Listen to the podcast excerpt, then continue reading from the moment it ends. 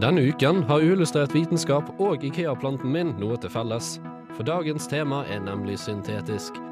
I den anledning skal vi snakke om syntetisk DNA, syntetisk kjøtt, syntetisk alkohol, og vi skal lære om plast og hva i alle dager bioglass er for noe.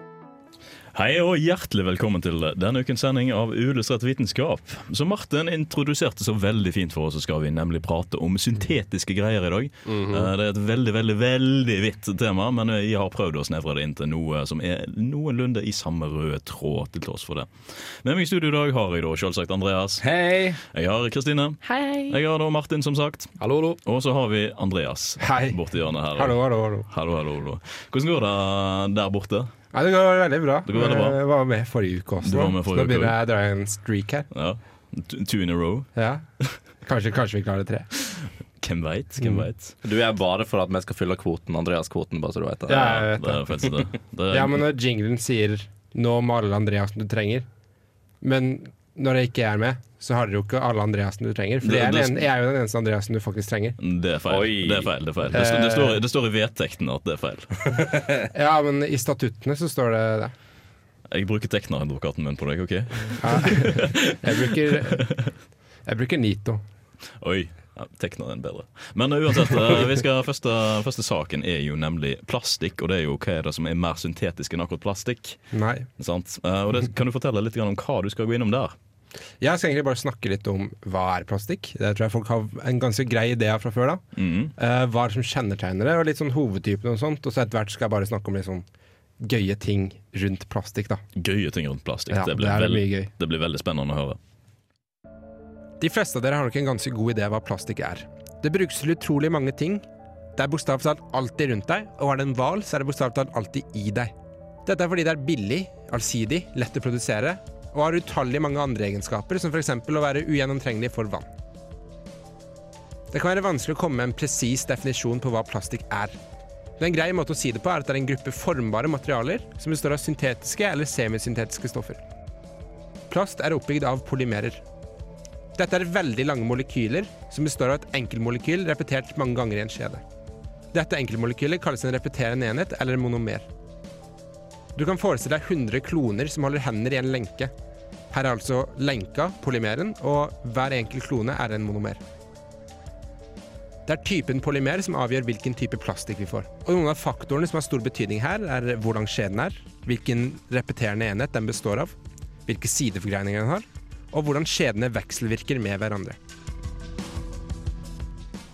Det finnes altfor mange interessante typer plastikk der de rekker å snakke om alle her, men jeg tenkte å snakke litt om hovedinndelingen vi har, og hva som kjennetegner dem.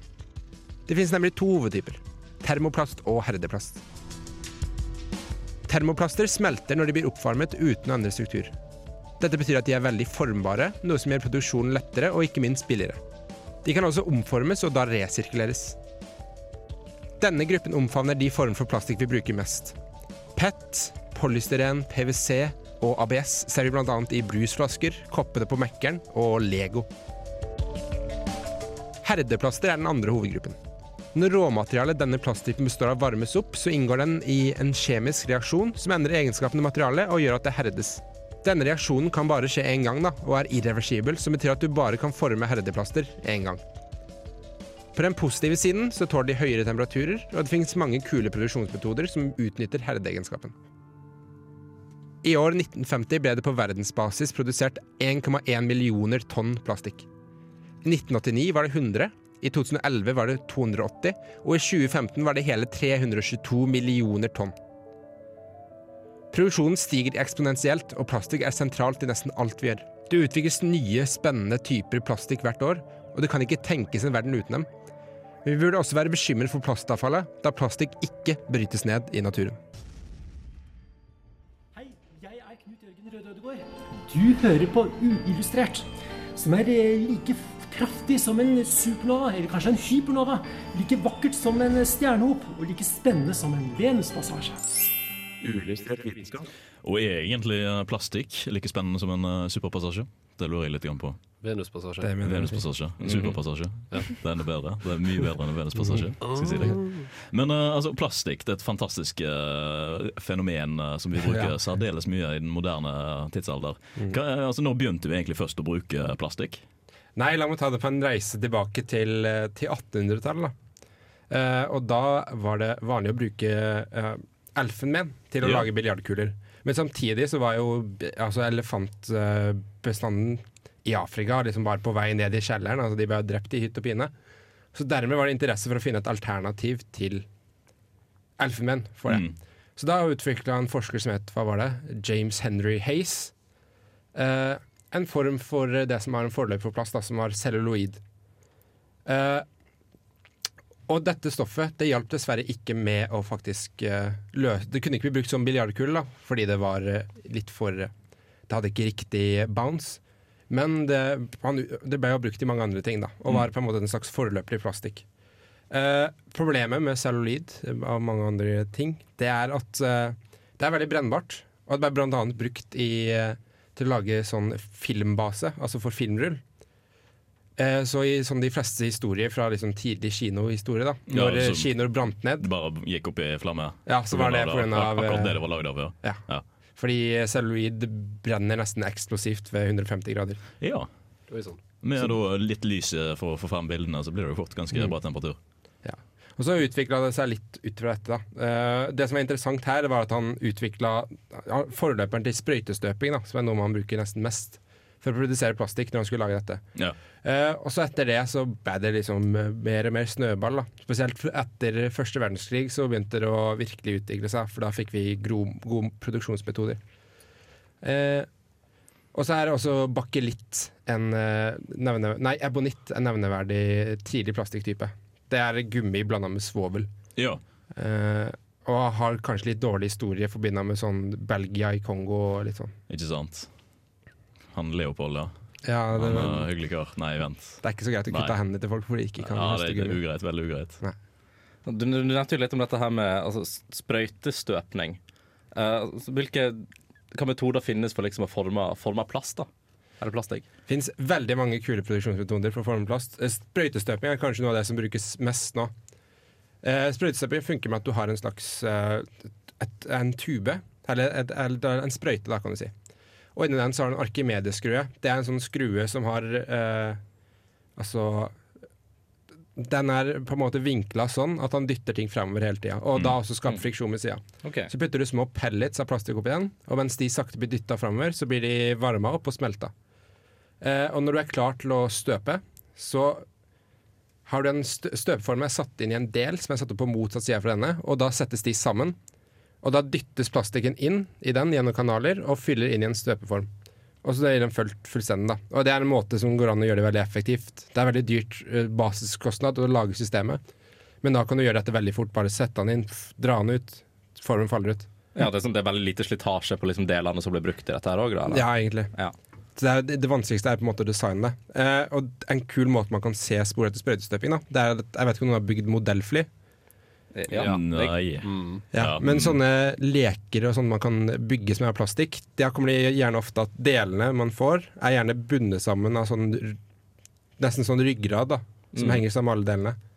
Og det er fordi alle delene blir sprøytestøpa samtidig.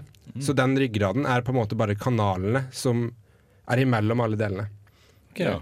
Så nesten alle sprøytestøpte deler har dette, da. Det er bare at akkurat denne har de bare latt den være, for det er praktisk. Er, er det samme metode som bruker f.eks. Lego? Mekker de da, i- vet du når de mekker det samme?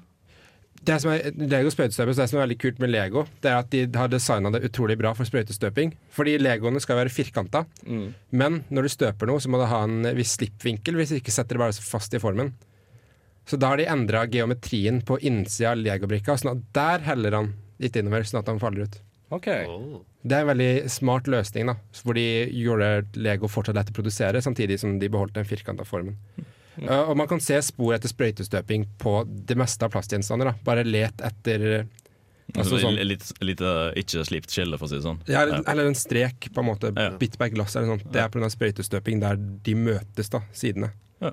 Og så er det blant annet også rotasjonsstøping, som er kult. Det går at du snurrer rundt noe, og så er plastikken inn der. Og så tyngdekraften gjør at han fyller alle veggene. Mm. Det er som plastflasker produseres. Dette er litt sånn maskinistens uh, fetisjhjørne. Ja, sånn.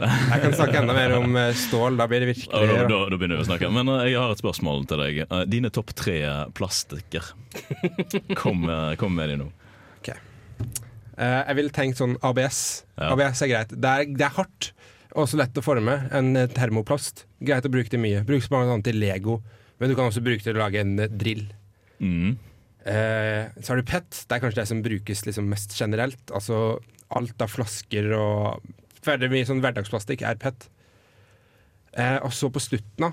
Kanskje vi skal være litt, være litt, være litt fek og si nylon. Oi. Nylon, ja. Ja. Ja, ja, ja. Men det er mye bruksområder til det. Ja, ja, Absolutt. strømper. Stopper ikke minst. Ja. Trabanten, altså, dyreplassen, er jo òg veldig fin en. ja, ikke det? Ikke en duroplast. Det er vel lagd av eh, sånn nylonlignende. Det er vel litt sånn Mm. bomull og diverse. Ja, veldig lett og uh, durable. Det er lagd av eh, gjen, ting som er gjenvunnet, kan man si. Mm. Men du kan ikke gjenvinne duroplast. Du har Det er altså Trollbilen. Var laget av plast. Støpt, støp, faktisk. Eller med no, en metode som heter open hand layup. Og det er sånn fiberarmert plast. Det er sånn Når du tenker glassfiber og sånt, da er det plast, og så fiber imellom. Mm. Og sånn gjør de det med herdeplast. De legger et lag med uherda plast, fiber over, og så varmer de opp, og så blir det en solid del til slutt. Ja, veldig kult. Vi skal også da videre til noe som minner kanskje litt grann det i samme gård. Det kan brukes eh, til mangt og meget, og det er nemlig bioglass. Men før vi kommer så langt til dette, så skal vi høre låten 'Bruises' av Magnus Beckham. Du får det her på Radio Revolt. Science isn't about why, it's about why not. Why is so much of our science dangerous? Why not marry safe science if you love it so much?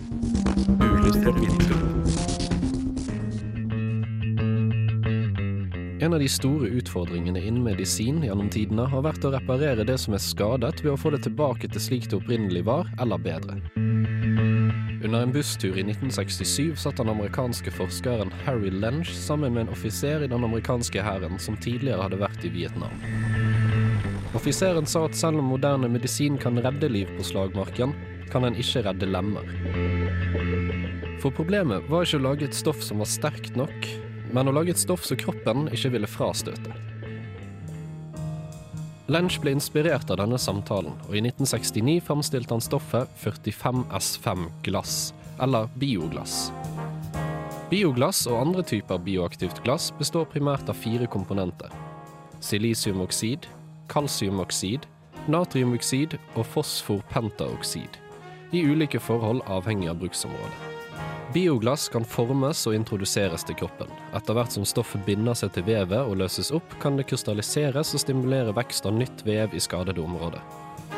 Man kan også dope stoffet med varierende mengder kobber, sink eller strontium for å stimulere vekst og dannelse av nytt og friskt bein. Det er også sagt at bioglass kan fungere bedre enn pasientens egne bein. I tillegg har stoffet en mild antibakteriell effekt som følge av at det siver ut natriumioner etter hvert som stoffet løses opp. Dermed er bioglass ennå et stoff en må legge til 'jeg kan ikke tro at jeg ikke har hørt om det før'-listen. Og med 3D-printing lett tilgjengelig ser det ut som potensialet kun er økende.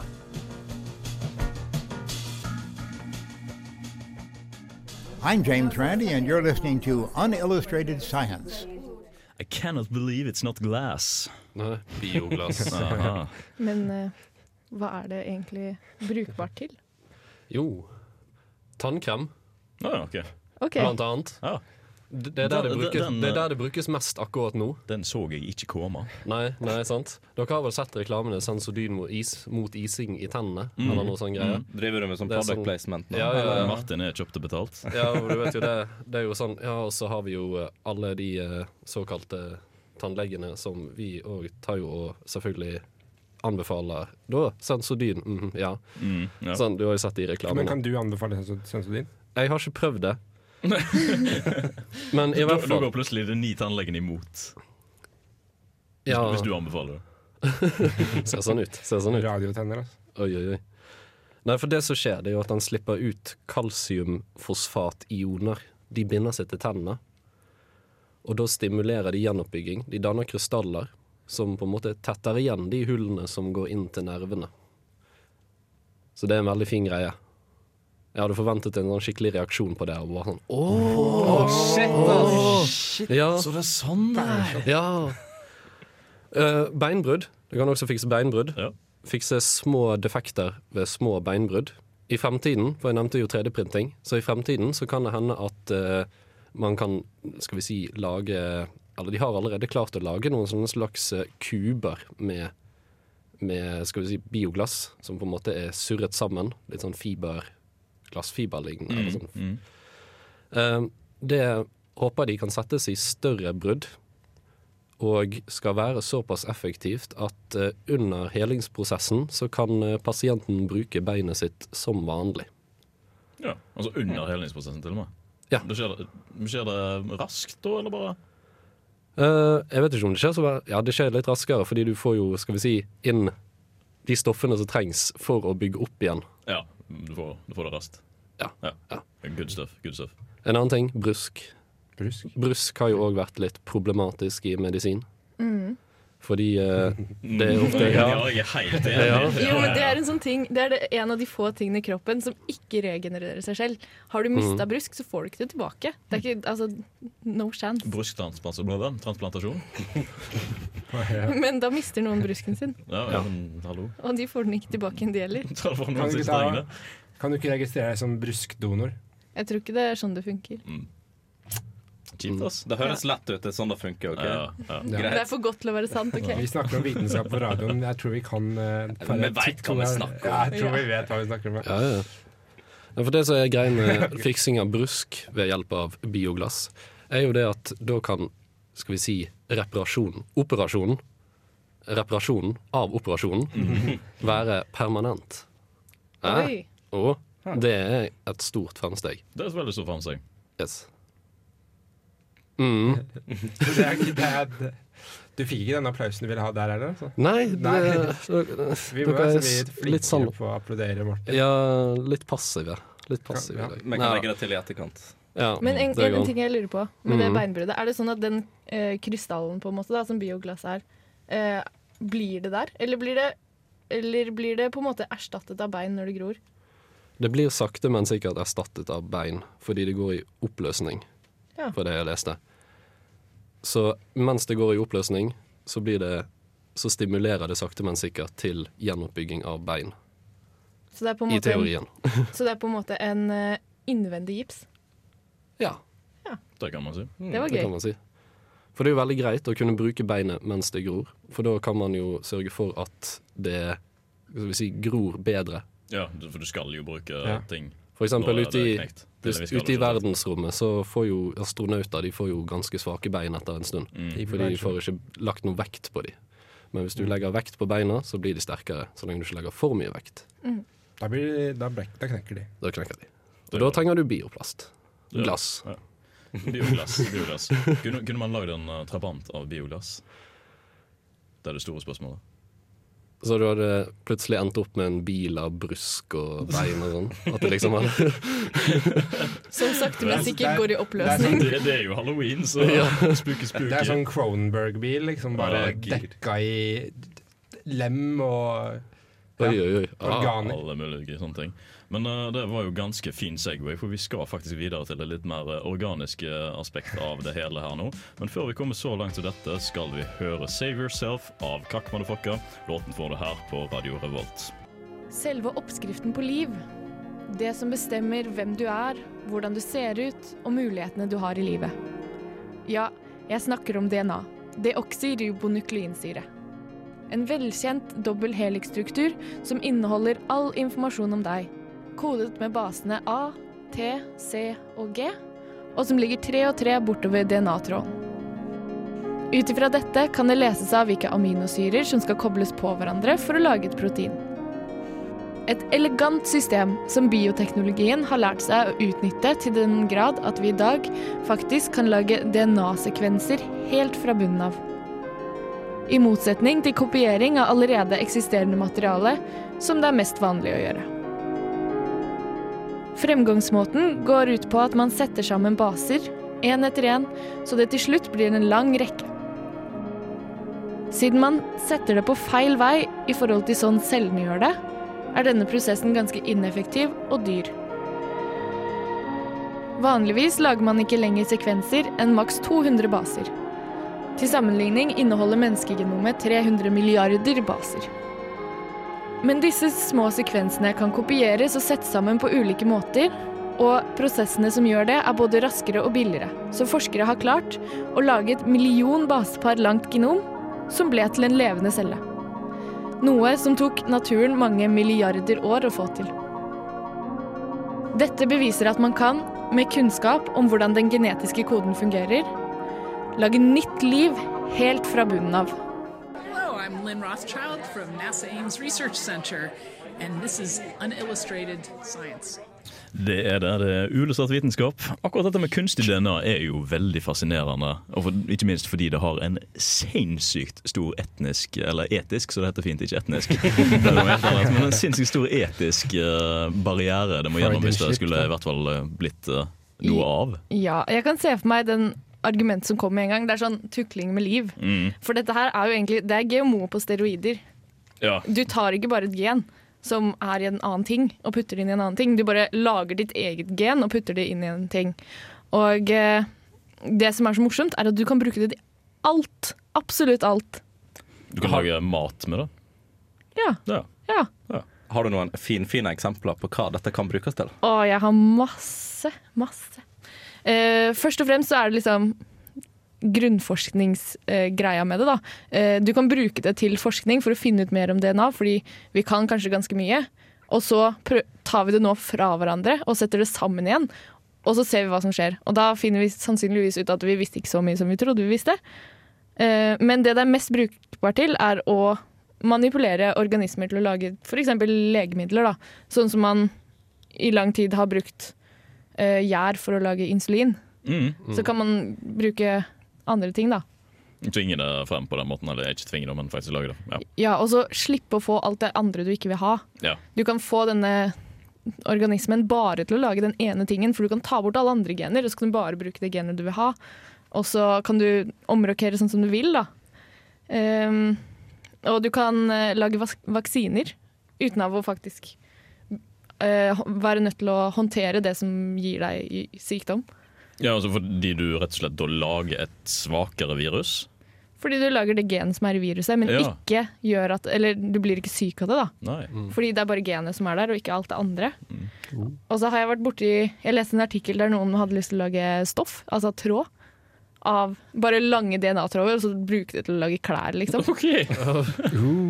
Ja, denne her er da vevd av bestemor di sine DNA. Nå føler jeg vi er litt eh, tilbake igjen til den der skumle trabanten, altså. Jo, men det, det er litt sånn Jeg har fått eh, jakke lagd av Herman Frieles. DNA. Jeg er kjempestor. Det skal visst være ganske bra stoff, da. Det, det fikk en helt annen betydning. Jakken laget av Herman Friele. Det fikk en veldig veldig annen betydning. Ja, det det er jo det det blir, da. Ja. Hva er det som er mer eh, menneskelig enn DNA? Nei, sant? Menneskeskjold. Men, ja. Dypt. Du kan lage flere ting, da. Ja, det, Ja. ja. Du kan bruke det til å lagre data. Eh, og det er liksom morsomt, fordi du kan Det er en veldig kompakt måte å lagre ting på. Eh, og du får lagret veldig mye på veldig liten plass, og det har man kanskje behov for eh, Støtt stadig. i denne teknologiverden. Mm. Men det må være fryst. Det varer lenge hvis det er fryst. Altså, du kan hente ut liksom, mammut-DNA fra sånn 1000 millioner år siden. Men eh, du kan ikke leve lenger enn 100 år uten å få kreft, liksom. Så i romtemperatur så går det kanskje ikke så bra, men fryst så holder det veldig veldig lenge. da. Ja, ja. Litt sånn som alt organisk, egentlig. Ja. Ja. Og så kan du jo lage hva du vil. Og det er litt gøy. Kan du bygge ditt hus? Kan du, hva hvis du hadde liksom en rev som det vokste liksom karbonat og kalkaktig kalkaktige utvekster fra, en korallrev? Ville, ville det vært Å nei, jeg er tilbake dit. Vi er tilbake Du til den. kunne, du den- kunne fått det til. Du kunne fått det til. Okay, nå Ja. snakker vi. ja. Hvis du har lyst. Men det er litt, ja, det er litt upraktisk, da. Fordi det er kjempedyrt. Uh, de har nå regna på at det koster 10 cent per basepar du setter på. Og så skal du gjerne ha et par millioner milliarder av det, da. Det blir noen kroner. Ja. Så altså det man har til nå, de teknologiene man har til nå, er jo mye mer brukbare og mye billigere og mye mer praktiske. Men det er kult. Altså du kan lage hva du vil, da. Hvis du har råd til det. Hvis du har råd til det. Ja. Hvis du har veldig mye penger, så kan du bygge deg et hus av DNA-tråder. Rett og slett. Rett og slett. Her er av Herman Friele. Eller at du sa Oi. uh, ja, jeg, vet, ikke. jeg har fått meg nytt hus, det lå der Herman Friele. Det er kjempestort. jeg bor inni Herman Friele. Ja. Uh, jakten på nyresteinen fikk en helt annen betydning. Det blir ikke noe Evergood i det huset, for å si det sånn. Nei, men Vi skal faktisk høre litt mer om det som da blir uh, Ikke Brann, heia Brann, men eh, vi skal høre om kunstig eller syntetisk alkohol. Men før vi kommer så langt til dette, så tar vi en tur innom Sweden og hører låten Back Again. Jeg er Aksel Tidemann. Jeg jobber som forsker på kunstig intelligens ved Telenor Research, og du hører på uillustrert vitenskap. Det er på tide å sette ordet populær i populærvitenskap, nå skal vi snakke om det alle de kule kidsa preiker om. Nemlig alkohol. Og ikke bare alkohol, men syntetisk alkohol som ikke gjør deg bakfull. Dette fenomenet heter alkosynt, og ble oppfunnet av professor David Nutt, som tidligere har forska på narkotika og helse. Han mener at det finnes en metode å fremstille alkohol på som kun vektlegger de positive sidene. Altså fremkaller de sosiale sidene av å drikke, og fjerner de sidene som er skadelige for kropp, og da spesielt leveren, samt kvitter seg med kvalme, hodepine og dehydrerthet. Måten han mener dette kan fungere på, er ved bruk av benzodiazepiner. Eller rettere sagt et utdrag eller et produkt av nettopp det stoffet. Benzodiazepiner er en type medikamenter som hjelper på psykiske lidelser, som f.eks. epilepsi og angst. Og det har i tillegg sedative og anestetiske egenskaper. Og det som er så fantastisk med dette stoffet, det er at det er lite til ingen sideeffekter på det, og det er nettopp den delen han ønsker å ta ut. Og dette høres jo for så vidt utrolig enkelt ut, men prosessen med å ta et medisinsk stoff, ta ut et spesifikt virkemiddel og appellere det til et kommersielt produkt, er vanskeligere enn man tror. Men likevel så spår David at i 2050 vil alt av alkoholkonsum være erstatta med hangover-free alcohol. Så kanskje på våre eldre dager så kan vi bli hobbyalkoholikere på heltid uten å tenke på konsekvensene. Du hører på Radio Revolt, studentradioen i Trondheim. Det gjør du. Og dette her med um, kunstig alkohol Det høres egentlig ganske farlig ut hvis du ikke blir bakfull eller du har noe uh, særlig Ja, men ha, Eller er det sant at det ikke har noe særlig med Det- backside? Spectra? Altså, det er, veldig det, er veldig, det er mye skepsis rundt dette. Det er, altså, du har for eksempel uh, altså, Dr. George Coob han jobber på inst in instituttet da, for liksom sånn alkohol abuse og sånne ting. Og han Det er et ganske kult institutt. Ja. Alcohol abuse and, og Jeg tror sånne det ting. er The Institute of Alcoholism and Alcohol Abuse. Ja, ja. Mm, det er sånn, der har de alle AA-møtene At the. University of uh, Alcohol. Ja. Nå snakker vi. Partyuniversitetet. Hey. Uh, Det er jo her. ja. Uh, nei, altså han sier jo for eksempel at uh, det er veldig Det er veldig rart at et stoff skal på en måte ikke ha noe motsatt effekt av den eh, effekten han kan gi. Altså, han mener jo at det finnes jo absolutt ingen stoffer som ikke har en eller annen form for bieffekt. Og det er sant, for så vidt. Altså, tingen at da han er David, David spår, det er jo at um, Hvordan vil jeg forklare det? Altså, effekten skal være så minimal at den er ikke merkbar. Neglisjerbar effekt. Ja. Så det heter på fint. Så det heter så utrolig fint. Bra at dere bryter inn med sånt. Ja, ja. Uh, og Vi så- kan norsk. Ja, sant. Ikke nynorsk. Og da, da stoffet han liksom skal hente dette fra Jeg har jo lest over lista over bieffekter der. De bieffektene som kan uh, oppstå, er jo typ sånn, altså Det er alt fra kvalme til at det klør. Liksom. Det er helt sjukt hvor mye som kan komme fra nettopp det stoffet. Men han mener at de ikke kommer til å være det så ofte, og derfor kan du liksom ta de ut og bruke det i alkohol istedenfor. Det høres jo faktisk jævlig ut å våkne opp Altså, jeg vil heller være vanlig bakfull enn å våkne opp med bare sånn insane kløe. det, er det, verste, det er det siste jeg har lyst til. Ja. altså Med vanlig bakfyll så vet du i hvert fall hva du kan forvente. Mm. Ja. Stort sett. Stort sett. Stort sett. Stort sett. Hvis ikke du var på eventyr. Eh, Nettopp. Mm. nettopp. Eh, og så skal det jo også sies at Nord-Korea gjorde dette først. Ja. Det var nemlig en artikkel eh, som la seg, det var et par år siden og kom ut. eller noe sånt. Så var det at De hadde tydeligvis eh, klart å oppdage et ginsengbasert eh, alko ja, alkohol da, som ikke gjorde deg bakfull. Så de var jo forskerne i Pyongyang eh, tok oss på dette her, altså. Du gjorde det. Det, det den- eneste tingen de i så fall har eh, gjort det på. Mm. Og atombomber, da. Ja, det var jo de òg. Ja.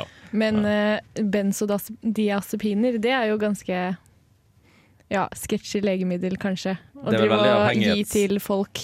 Ja, det er jo veldig avhengighetsskapende. Ja, gjerne det. Eh, men da står det ikke noe om i denne altså, Nei, Det ja, nevner Da er ikke det blitt skrevet noe om. Så, så, så en liten uh, rapport eh, med kun de gode tingene. Hvis ikke alkohol var avhengighetsskapende nok i seg selv, så bare putter vi benzodiazepiner oppi det hele. Gønne på. Gønne Ja. på. Mm. Eh, det han òg mener, da, var at um, det som var mulig, f.eks. sjåfører, da, de kunne drikke den typen alkohol som dette her, og så kunne de ta noe som liksom kalte for en slags antidote. Der, som gjør at med en gang du tar den, så har du rett og slett ikke alkohol i kroppen lenger. Dette er jo fremtiden. Dette er fremtiden. Mm. Men altså, jeg liker jo visjonen hans, da. Altså det er 2000, ja, 2050. Men, men hvordan, eh, det er jo et lite problem med, med akkurat det. Alkohol sprer seg jo rundt med blodstrømmen og legger seg i samtlige celler. Mm. Hvordan kan da eh, en kapsel på veldig kort tid være en antidot som fikser dette her? Det var ikke beskrevet. Nei, sant. Så jeg er veldig skeptisk til dette her, men Ja. det er jo noe som har vært snakk om i media veldig lenge, faktisk. Altså Det er artikler på dette sånn tilbake til 2010-2011.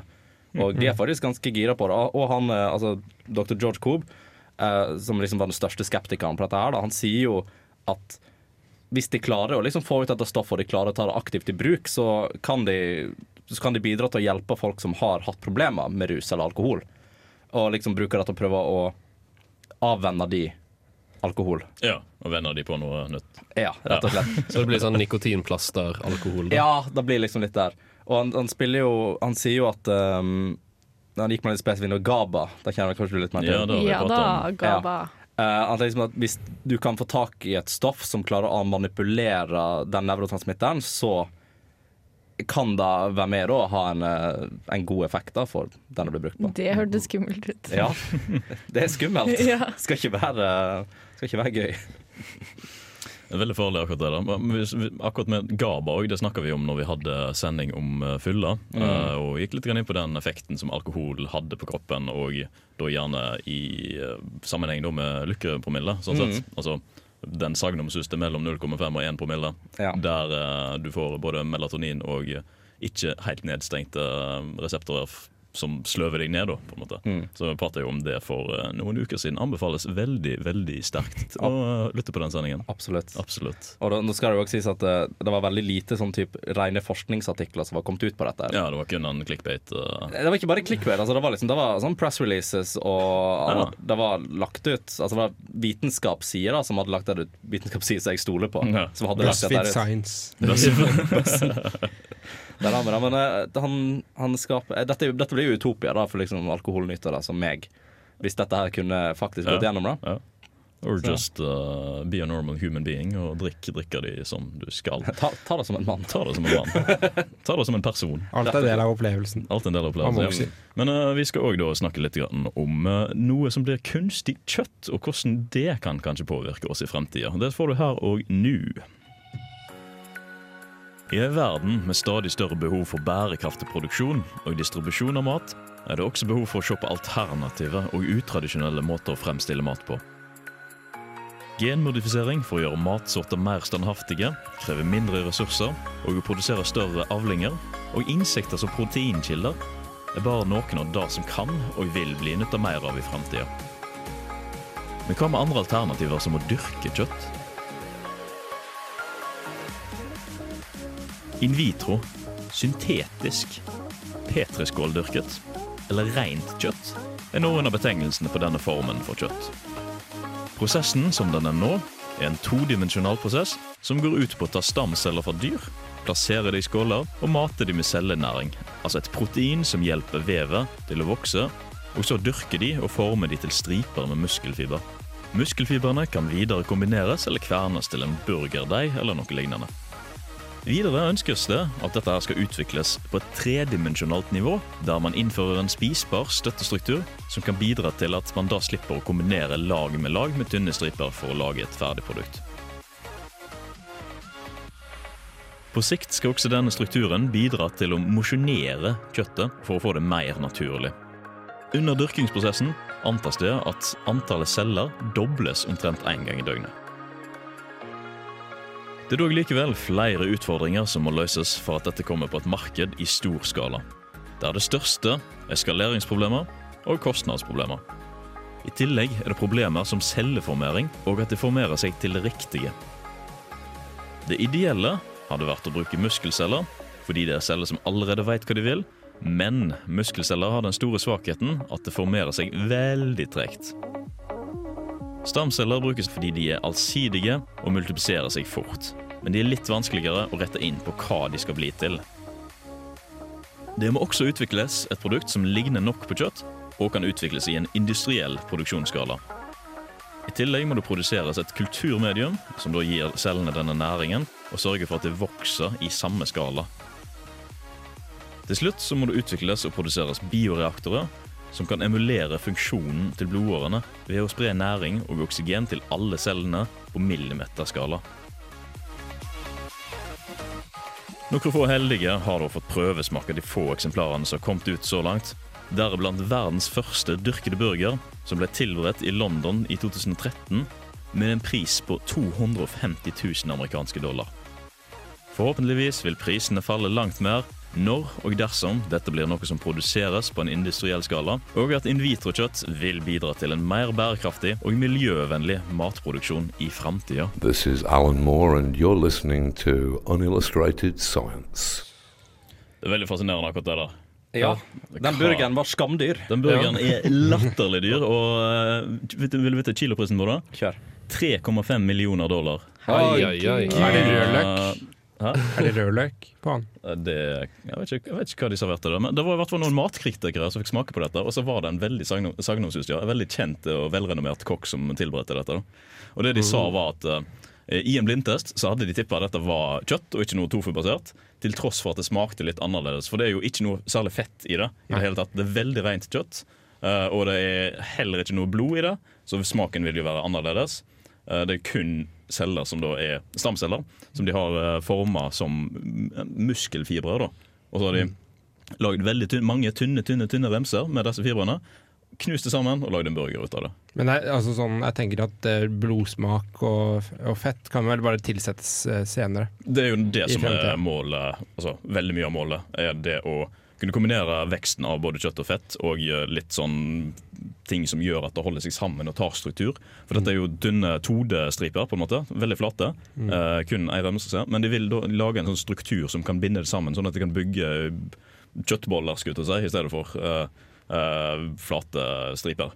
Og det Et av de store problemene som de har med dette, er da å lage små, eh, små apparater da, som kan klare å tilføre næring og oksygen til alle cellene. For, som jeg nevnte, så skulle det tilføres på et millimeterpresisjonsnivå uh, Ja. for at alt sammen skal få nok uh, næring til å vokse og ikke dø. Rett og slett. Jeg føler at dette dyrka kjøttet på en måte setter prikken over i-en på den Kronberg-verket vi har skapt gjennom hele sendinga. Ja, nå, har, nå har vi bilen. Den- Nå har vi bilen. Din bil med Dette var karosseriet, liksom. Dette er drømmebilen. Perfekt for halloween. Jeg får bare litt sånn mentalt bilde av eh, Jeg tenker liksom, ser for meg sånn svært drivhus hvor du har liksom bare sånn petriskål på rekker og rad. Liksom en sånn fabrikk hvor det bare gror liksom sånn kjøttboller. Eller hamburgere. Det, det, det jeg forestiller meg, det er sånn svær liksom Nesten sånn silo, da, som bare liksom kverner rundt og liksom lager Ja, kjøtt i hvordan de skal realisere fullskala og industriell skala på dette, det har de ikke ennå funnet ut. da. For Nei. Det er vanskelig nok å kunne lage noe som ligner nok på kjøtt til at folk Mm. eh, kanskje har lyst til å kjøpe det. Uh, og da når du skal attpåtil klare å gjøre dette i en industriell skala, så tilsier jo det at du ikke kan ha rekke på rekke med peterskåler uh, uh, liggende. Jeg ser meg for meg egentlig at eh, da tar vi sånn fremtidens eh, Harry Potter-filmer, da, hvis det har kommet ut flere av de. Eh, I stedet for at du drar opp en sånn skrikende plante, så, så drar du opp en skrikende kjøttbolle eller et eller annet. Sykt. Hva vil dette ha å si for filmindustrien? Altså, jeg liker ikke kjøttbollene mine må ha litt, sånn her, litt liv i seg. Det må ha litt attitude. Dette, dette er plott òg for å til reine kjøttboller 3. Oi. sånn. Oi. Ja. Eh, men dette er jo ikke et nytt konsept. Eh, forskning på nettopp det med mm, hva blir det da? Vevteknikk, altså eh, menneskelig vevteknikk da, for å dyrke både muskler og organer, er jo noe som har pågått veldig lenge. Og dette har pågått parallelt, da, altså matdyrking har pågått parallelt med det å kunne skape noe som kan hjelpe folk med muskelsvinn, eller lage organer som trengs til transplantasjon. og Mm. sånne ting som det. Men da kunne også alle smakt på mennesket på en etisk forsvarlig måte. Er det egentlig etisk? Jeg syns det. Det hørtes skummelt ut. Hvis du, da Hvor det kombinerer, dette, hvis du kombinerer mennesket? dette dyrka mennesket med det kunstige DNA-et, da har du jo på en måte Så lenge ikke de kan tenke, liksom, så er de Ja, nettopp. Og så får, lager du da en AI som du putter inn i dette. Ja, da burde du kanskje ikke spise det lenger. Nei, nei. Nei, men du kan jo lage mennesker ved Du kan jo lage kunstig menneskekjøtt Det som kan bare spises in vitro. Den første tanken om dette her kom jo faktisk på 30-tallet. Eh, Da det var snakk om at eh, ja, vi håper at eh, vi kanskje en dag kan klare å la være å dyrke et helt dyr for å spise to deler av det. Og sånne ting, Så det vi bare rett og slett dyrker kyllingvingene eller kyllinglårene med en gang. Uten å Kom ikke Frankenstein òg rundt den tida? Jo, kanskje det. Det. Det stemmer nok. Det første, vet dere hva det første spiselige Eller det første dyrka spiselige tingen var? Nei. Det var gullfisk. OK. I 2002 så eh, kom det første spiselige labbekjøttet. Det var dyrka av gullfiskceller. Eh, og det ble spist da. Uh, og vel å merke nytt veldig godt. Men nå har vi faktisk kommet så langt at vi begynner å nærme oss kveldens uh, slutt, og det ja, Det er si. trist. Det er litt trist. Det Ja. har vært veldig gøy og bra spennende sending. Vi snakker om veldig mye artige syntetiske ting i dag. Eh, plastikk, bioglass, DNA, alkohol. Hei, hei. Hei, Hei, hei, hei. Party! Mat. For, hvem vet, kanskje en dag i framtida så kommer det til å bli litt mer bærekraftig og eh, ja, artige greier. Mm. Og med det må vi da faktisk ta og runde av. Vi har uh, kost oss veldig mye. Hvis du har noen spørsmål til oss, send det gjerne inn til oss på Facebook. Gi oss en like og følg oss der. Uh, neste uke er vi mest sannsynlig tilbake på full guff som vanlig. Med meg i dag så har jeg hatt Andreas ganger to. Yay! Jeg har hatt Martin. Hey. Og ikke minst Kristine. Ha det bra. Tusen takk for i dag.